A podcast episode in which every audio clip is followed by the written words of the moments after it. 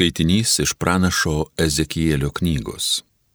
Angelas mane atvedė prie šventyklos durų ir štai iš poslenkščio vanduo besisunkęs į rytus. Šventyklos mat priekis buvo į rytus. Vanduo nutekėjo dešinėje šventyklos pusę priešais altorių. Paskui mane išvedė pro šiaurės vartus ir liepė man eiti išoriniu keliu prie laukųjų vartų, kurie vedė į rytus. Ir štai vanduo bečiurlenas iš pietinės pusės. Vyriškis pasukęs į rytus su matavimo virve rankoje, atmatavo tūkstantį mastų ir liepė man žengti per vandenį. Vanduo tiesiekė iki kulkšnių. Tada jis atmatavo dar tūkstantį mastų ir liepė man eiti per vandenį.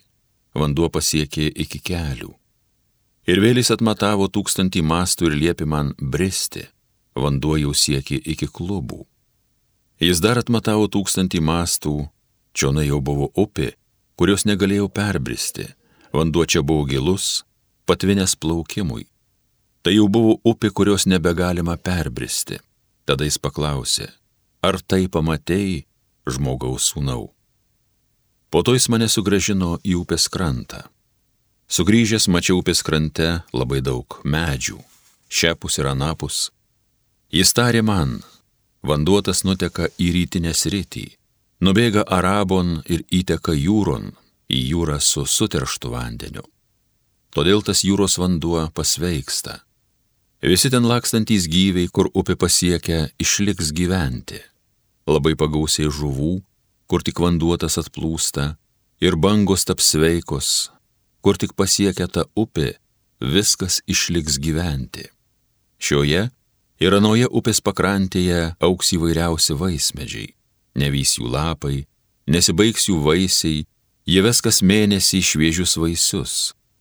Mat upės vanduo atplūs iš šventovės, jų vaisiai bus maistui, o lapai tiks vaistui.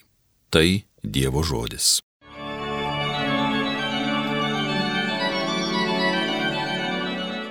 Somis dangaus kariuomenių viešpats, Jokūbo Dievas, štai mūsų tvirtovė. Dievas prieglauda mūsų tvirtovė, jis varguose ištikimiausias mūsų globėjas. Todėl nesibijom net jei žemė drebėtų, jei kalnai griūtų į jūrų gelmę. Su mumis dangaus kariuomenių viešpats, Jokūbo Dievas, štai mūsų tvirtovė. Sraunų supeliai džiugina viešpaties miestą, kur stovi šventas aukščiausiojo būstas. Dievas jo viduje, jam nėra ko bijotis. Kas rytas anksti ateis jam Dievas padėti. Su mumis dangaus kariuomenių viešpats, Jokūbo Dievas, štai mūsų tvirtovė. Su mumis dangaus kariuomenių viešpats, Jokūbo Dievas, štai mūsų tvirtovė. Eikite pasižiūrėkit, ką viešpats nuveikia kokių stebuklų jis žemėje daro. Su mumis dangaus kariuomenių viešpats Jokūbo Dievas, štai mūsų tvirtovė. Šlovėtau Kristau, amžinosios garbės karaliau. Sutverk širdį man tyrą, o Dieve, išgelbėk mane ir būsiu laimingas. Šlovėtau Kristau, amžinosios garbės karaliau. Viešpats su jumis iš Šventosios Evangelijos pagal Joną. Buvo žydų šventė ir Jėzus nukeliavo į Jeruzalę. Jeruzalėje prie avių vartų yra maudyklė, žydiškai vadinama Betsata, turinti penkias stoginės. Juose gulėdavo daugybė ligonių, aklų, raišių, išsekusių. Ten buvo vienas žmogus išsirgęs 38 metus. Pamatęs jį gulinti ir žudžinojęs, jis labai senai sergant, Jėzus paklausė, ar norėtum pasveikti? Ligonis atsakė, viešpatie, aš neturiu žmogaus, kuris vandeniui sujudėjus mane įkeltų į tvenkinį, o kol aš pats nueinu, kitas įlipa greičiau už mane. Tada Jėzus tarė, kelkis, imk savo gultą ir eik. Ir žmogus bematant išgyjo, pasiėmė gultą ir pradėjo vaikščioti. Toji diena buvo šabas. Todėl žydai užsipuolė išgydytąjį. Šiandien šabas. Tau negalima nešti gulto. Jis paaiškino, tas, kuris mane pagydė, man liepė, imk savo gultą ir eik. Jie klausinėjo, o kas tasai žmogus, kuris tau liepė, imk ir eik?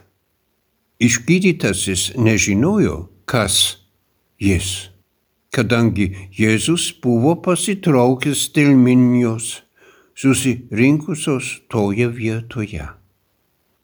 Vėliau Jėzus sutiko šventykloje ir tarė, štai tu esi pasveikęs, daugiau nebenusidėk, kad neatsitiktų kas blogesnio.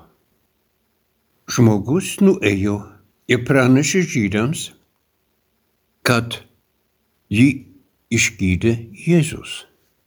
Žydai dėl to ir persikiojo Jėzų, kad jis taip darydavo šabo dieną. Tai viešpaties žodis.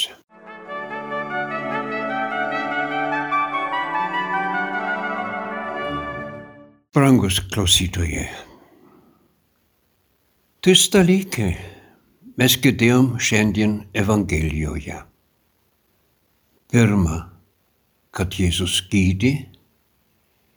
Antra, kad šabas šiandien mes sakytum galbūt ir šeštadienį, kaip Dievo kūrinijos poilsio diena yra šventas ir nieko negalima dirbti, pavyzdžiui, nešioti gultą arba panašiai.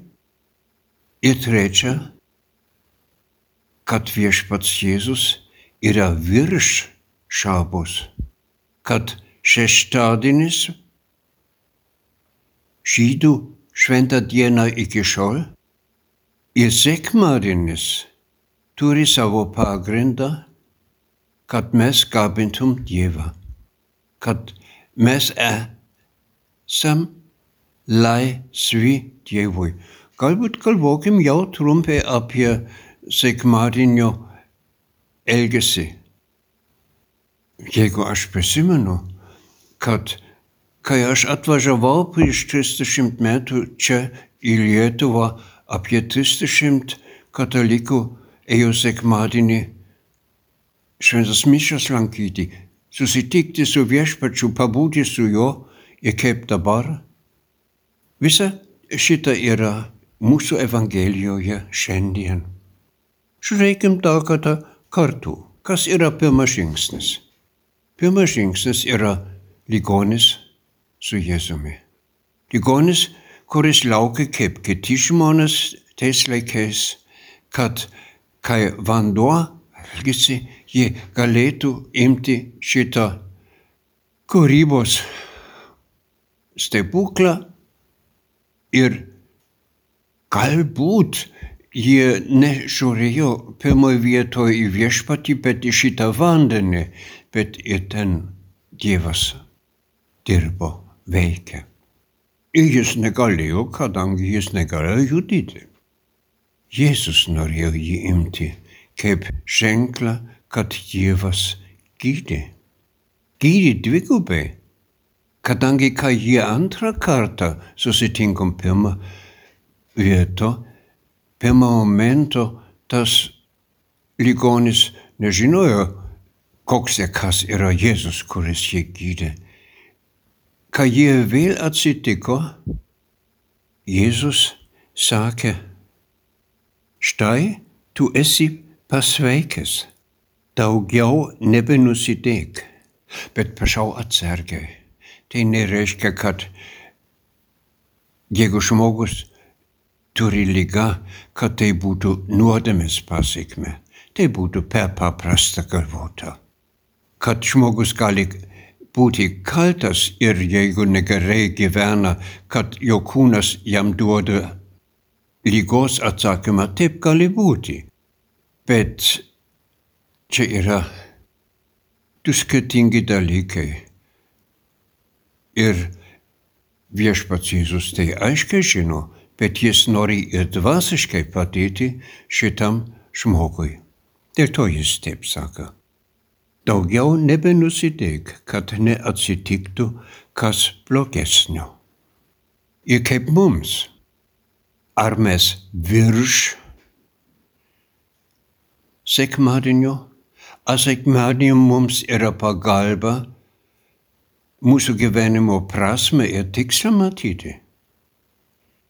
Ar mes panašiai kaip farizėjai, kurie tik žiūri į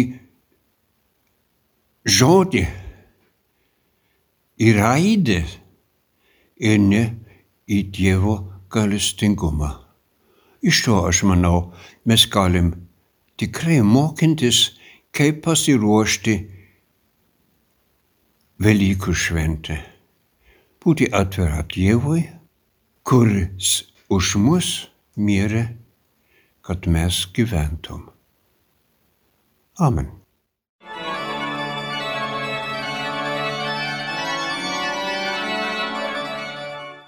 Homilija sakė brolis pranciškonas kunigas Severinas Holoher.